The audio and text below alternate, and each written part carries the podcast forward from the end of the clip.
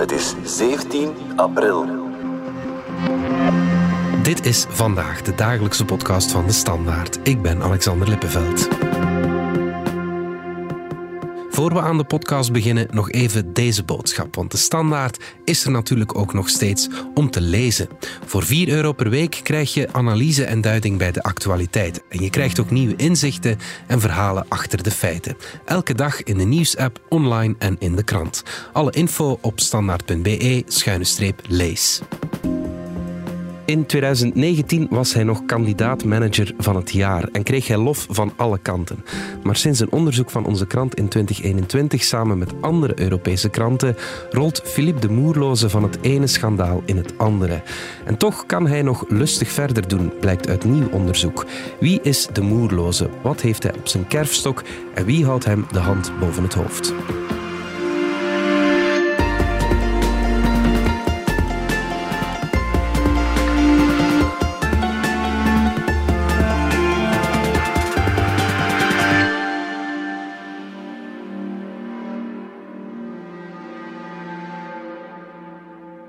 Kasper Goed als Weekblad-reporter. We gaan het vandaag hebben over uh, Philippe de Moerloze. In alle eerlijkheid, ik had nog nooit gehoord van de man voor het eerste Congo Hold-up onderzoek van een paar jaar geleden. Het is een bijzondere figuur, hè? Ja, toen we bezig waren met het onderzoeksdossier Congo Hold-up, samen met Nicolas van Acken en Roland Termote hier op de krant, en met een hele bende van journalisten uit alle hoeken van de wereld, mm dook daar ook de naam van een Belg op, die, en ik moet eerlijk zijn, die ik ook nog nooit had gehoord, mm Philippe de Moerloze. En Philippe de Moerloze is eigenlijk een van de. Zijn exacte kapitaal is niet bekend, mm maar wellicht een van de 150 rijkste Belgen. Ja.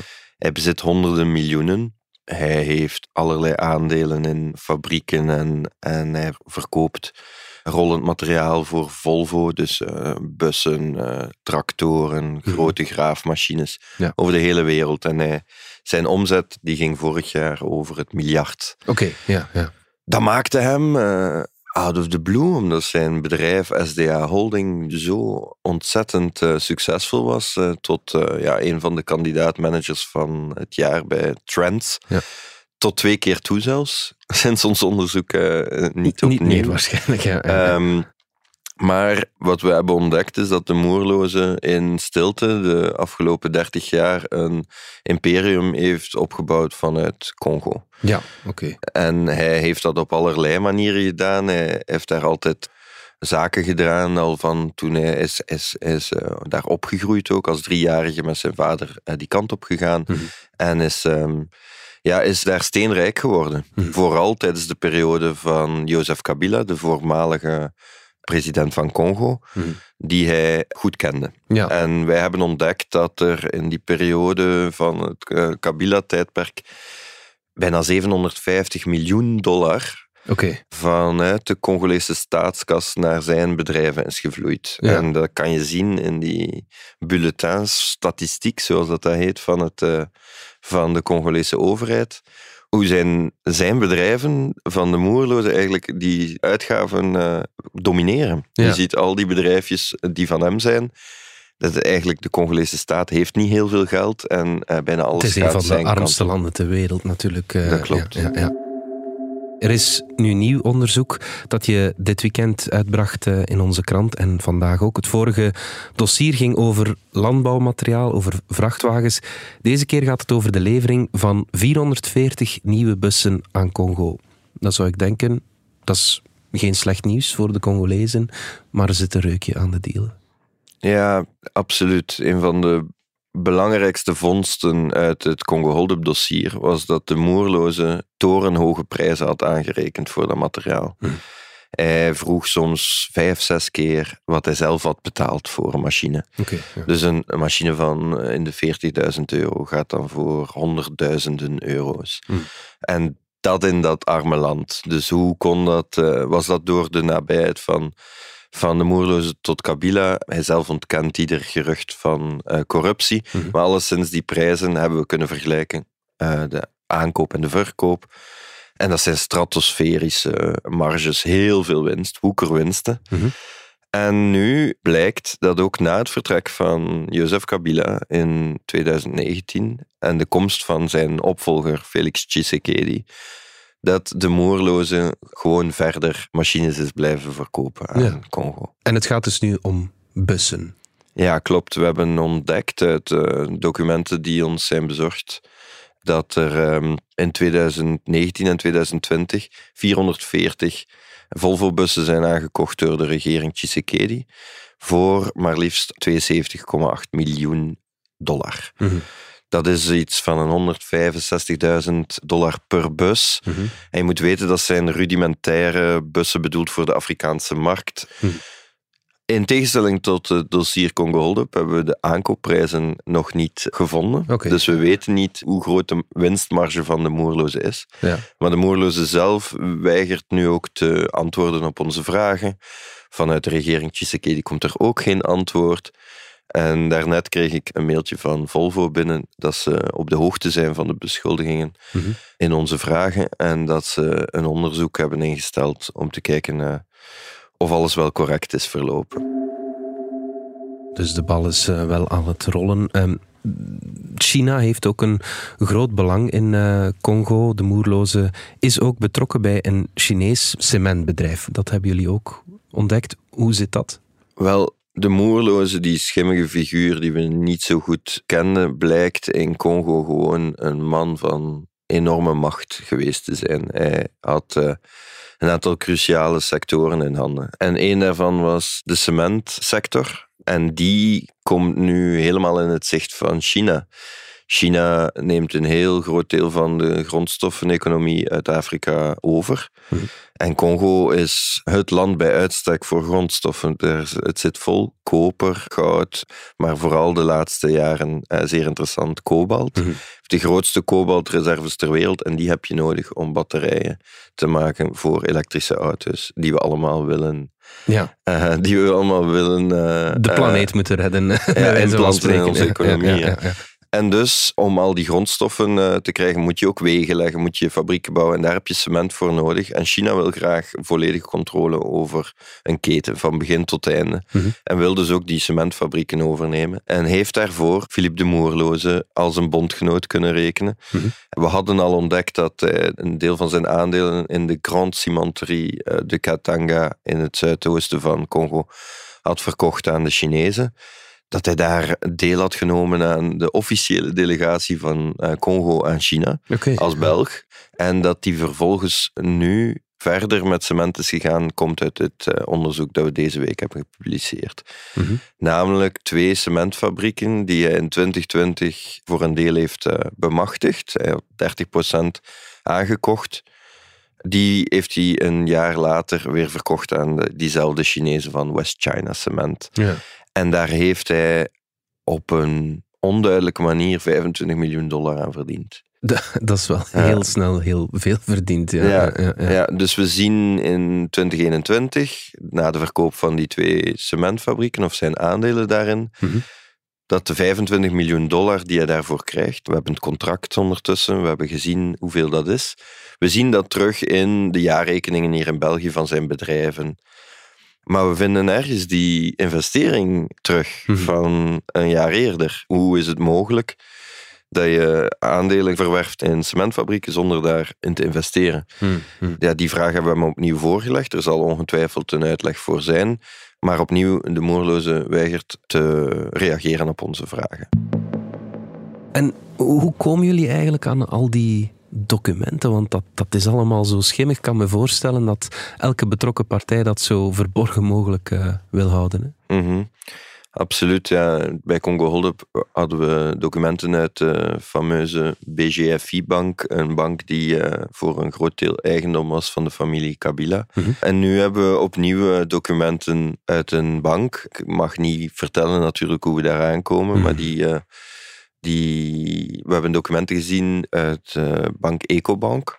Dat is een van de grootste Afrikaanse banken, een Pan-Afrikaanse bank met ook een implanting in Frankrijk. Eh, en Europa dus. En die bank heeft een aantal van de grote deals van de Moerloze afgehandeld. De grootste contracten met het ministerie van Landbouw voor 139 miljoen dollar Mhm. in 2018 en 2019.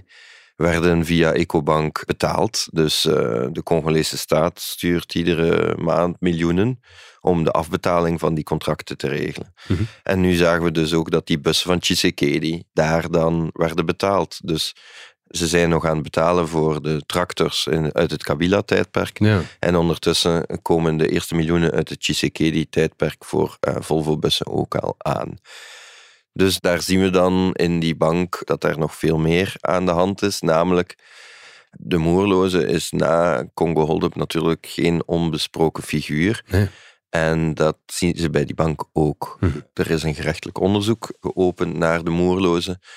En uh, er zijn huiszoekingen geweest bij de Moerloze. Het onderzoek in België is naar uh, mogelijke omkoping van buitenlandse ambtenaren. Dus mogelijk in zijn grote zaken met de Kabila-regering. Mhm, mhm. Hij zelf ontkent dat, maar die bank zegt natuurlijk, ja, zijn wij dan ook niet in gevaar van een mogelijk een mogelijk risico van imagoschade ja. enzovoort. En wij hebben gezien hoe daar intern tussen de medewerkers een heel debat over ontstaat. Vanuit de compliance afdeling wordt er gezegd, dat kan zo niet verder. We moeten eigenlijk alle rekeningen van de moerlozen, onder andere voor die Chinese deals, maar ook met die bussen van de regering, mhm. we moeten die stopzetten. En dan komt er vanuit hogerap in de bank, de moerloze is een belangrijke cliënt, dat kan toch niet zomaar. Ja. En je ziet eigenlijk een, een interne strubbeling die maandenlang duurt, waarbij de moerloze kan verder handel drijven met die bank. Ja, ja.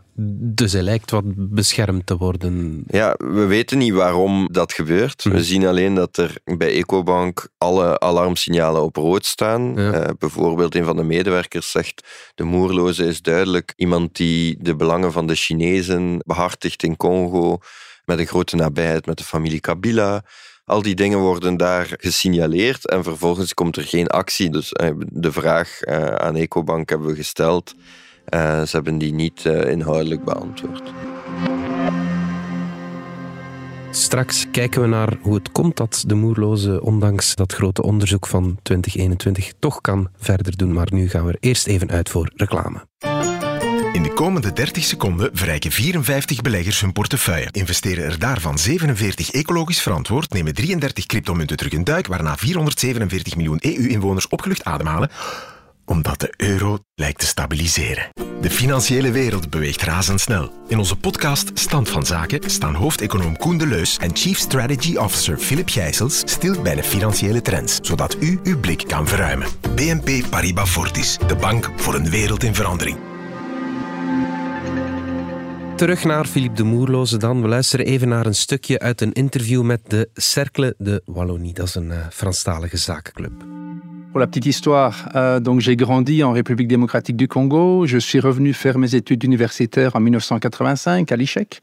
Et en 1991, j'ai donc lancé euh, Demimpex, euh, qui voulait simplement dire de Import-Export, une petite société euh, de trading en pièces de rechange avec un capital de 1800 euros, donc à l'époque 75 000 francs belges, donc l'équivalent de 1800 euros. Et euh, cette société euh, s'est transformée donc en distributeur automobile et distributeur de gros engins. Kasper, wat voor een man is die Philippe de Moerloze eigenlijk? Philippe de Moerloze is ongetwijfeld een briljante ondernemer. Hm. Om zo rijk te worden in Congo moet je echt van alle markten thuis zijn. Hij groeide op in uh, Katanga, in de mijnbouwprovincie. Ja. Hij leerde de talen, spreekt verschillende Congolese talen. Hij leerde de way of doing business. Mhm. En daarna studeerde hij hier aan de zakenschool in Brussel. Daarna keerde hij terug, volgens sommigen zelfs al in zijn studententijd, met een soort studentenproject om uh, import-export te gaan doen. En in het begin zou hij aan de Belgen die nog in Congo woonden gevraagd wat willen jullie? Een doos sigaren, willen jullie een paar auto's? Uh, ja. En die heeft hij dan verkocht en daar dan de eerste marges beginnen op uh, nemen en, en, geld verdienen. En dan zien we dat hij tijdens het Kabila-tijdperk een enorme sprong maakt. Hij vergaart hotels, hij vergaart belangrijke onderdelen van de mijnbouwindustrie. Hij wordt een leverancier van auto's, van Toyota's, van Mercedes'en, van Volvo's, van tractors. En zo groeit zijn imperium en uiteindelijk in de jaren tien verlaat hij ook Congo en begint hij veel van die instrumenten en rollend materieel ook buiten Congo te verkopen in andere Afrikaanse landen. Uh, maar ook in Europa, in Groot-Brittannië en in de Benelux. Mhm. En dan wordt hij de exclusieve dealer van Volvo groot materiaal Ja. in verschillende landen. En hij verovert steeds meer de wereldmarkt. En hij doet dat met, een, ja, met wat we hebben ontdekt tijdens Congo Hold-up, met een enorme spaarpot Ja. die is vergaard in Congo achter eh, de hand. Dus hij kan enorm goed investeren in groei. En hij bouwt ook een proper imperium uit in Amerika en eh, zegt zich te willen richten op de Aziatische markt die hyperconcurrentieel is. Dus hij is sinds eh, 2014 echt eh, een wereldleider geworden Ja. in, eh, Ja. in de verkoop van, van al die grote machines. We zeiden het al aan het begin van de podcast. Ik, ik had nog nooit van hem gehoord tot eh, Congo Hold-up. Maar dan wordt hij plots in, wat is het, 2019, genomineerd als manager van het jaar hè, door Trends. Hoe kijkt hij daarnaar, denk je? Dat is ook een beetje de million dollar question voor mij. Waarom wilde hij zo graag in het, eh, op het podium staan? Ja. Ehm, ik heb gemerkt dat ik ben naar eh, de 30-jarige verjaardag van zijn zakenimperium gegaan in 2021, terwijl we onderzoek eh, deden. En daar stond hij op het podium. Zijn familie was erbij. Er was veel eh fine fleur van het eh, Franstalige bedrijfsleven ook aanwezig. Mhm. In een groot hotel hier in Brussel. En hij, ja, ik kreeg tranen in zijn ogen toen hij vertelde daar wat voor een succes dat het was geweest. En, en ik denk dat hij oprecht ook wel geloofde, en misschien nog steeds gelooft, dat hij met het internationale imperium dat hij heeft eh, uitgebouwd, een goede reputatie kan uitbouwen. En dus de hele geschiedenis in Congo achter zich laten. We hebben nu ontdekt dat hij eh, nog die bus heeft verkocht aan Tshisekedi, maar dat is ondertussen ook alweer een paar jaar geleden. Ja. Die Chinese cementfabrieken, dat is van vorig jaar, eh, twee jaar geleden. Dus het lijkt erop alsof dat hij ook al zijn Congolese eigendommen aan het verkopen is. En het lijkt alsof hij Congo helemaal achter zich laat en dan de wereldmarkt eh, verovert. Dus ik vermoed dat hij op die manier in België verder wilde als een zeer gerespecteerd Belgisch zakenman. En dat leek ook te gaan lukken. Mhm. Ja, absoluut. Tot dat onderzoek. Ja, dat klopt. Maar hoe komt het eigenlijk dat iemand zo lang schimmige zaken kan blijven doen? Congo is notoir berucht om een heel ondoorzichtig ondernemingsklimaat. Heel wat buitenlandse investeerders komen daar binnen met, eh, en kunnen, als ze de juiste mensen bespelen, eh, fabuleus rijk worden. Mhm. Je kan er ook enorm je broek scheuren. Toen ik in Congo was en met eh, andere Belgische ondernemers sprak, uit, die de Moerlozen nog hadden gekend van toen hij jonger was, waren ze eigenlijk allemaal enorm onder de indruk van hem. Ze Mhm. zeiden van ja, Iedereen eh, moet soms wel eens een hoek afsnijden om in Congo zaken te doen, maar de meeste lukt het niet. Mhm. En dus voor hen was de Moerloze de man die het had gemaakt in een van de moeilijkste bedrijfswerelden ter wereld. Mhm. En het is ook enorm moeilijk om op een goede manier in Congo te investeren. Banken willen daar niet zomaar voor betalen. Mhm. Dus dat is een deel van het verhaal. Daarnaast weten we dat het regime van de vorige president Joseph Kabila extreem corrupt was. We hebben onthuld met Congo Hold-up hoe dat hij met die bank die hij controleerde echt miljoenen, tientallen miljoenen, meer dan 100 miljoen rechtstreeks van overheidsinstanties heeft weggeroofd Mhm. en naar zijn, eh, naar zijn eigen eh, familie heeft versluist. Dus echt geld van het Office des Routes, van de wegenbouw, geld van het stembureau, geld van allerlei openbare diensten die de straatarme Congolese bevolking moeten helpen. Mhm. Dat belandde dan in de handen en zakken van een kleine groep eh, corrupte politici. Mhm. We hebben nog niet zo'n onderzoek gevoerd over Tshisekedi. We weten niet hoe dat precies eraan toe gaat, maar eh, dat land is niet plotseling fundamenteel van aard veranderd. Mhm. En je ziet ook dat iemand als de Moerloze, die die hoge prijzen aanrekende, ja, dat hij ook met Tshisekedi weer zaken doet. Ja, Dus, ja, ja. dus ja, dat wordt een probleem dat zich zal blijven stellen zolang er in Congo niet iets fundamenteel verandert. Mhm. Oké. Casper Goethals, dankjewel. Jij ook bedankt, Alexander. Dit was vandaag de dagelijkse podcast van De Standaard. Bedankt voor het luisteren. Volg ons op Spotify, Apple Podcast of eender welk ander podcastplatform. In onze gratis FDS podcast kan je niet alleen ons werk beluisteren, maar ook de beste podcasttips terugvinden. Alle credits van de podcast die je net hoorde vind je op standaard.be-podcast. Reageren kan via podcast.standaard.be. Morgen zijn we opnieuw.